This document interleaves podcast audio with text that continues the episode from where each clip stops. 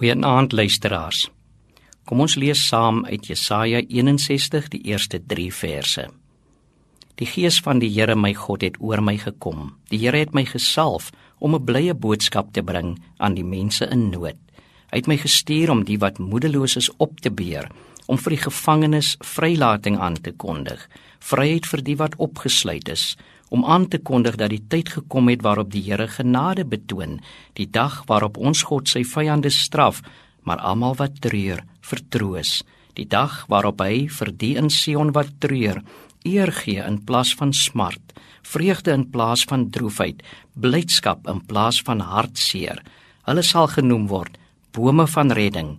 Die Here het hulle geplant om sy roem te vermeerder. Die Kersfeeskind kom na ons toe as profeet. 'n Profeet spel die visie van 'n nuwe samelewing helder uit. In ons geleesde gedeelte sien ons wat die kenmerke van die nuwe samelewing is. Sonder hierdie drome en visie gaan ons te gronde. Visie inspireer, drome gee moed en krag. Verbeelding het vormingskrag. Ons en ons samelewings word dit wat ons droom. Ons word dit wat ons verbeel. Profete ontmasker ook helder waar ons die visie van 'n nuwe samelewing vergeet en verloon. Opmoedige, selfs heldhaftige wyse loop die profeet die risiko om die waarheid te praat, ook teenoor hulle in magsposisies.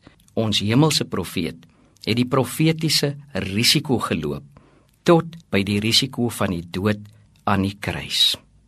Kom ons bid saam.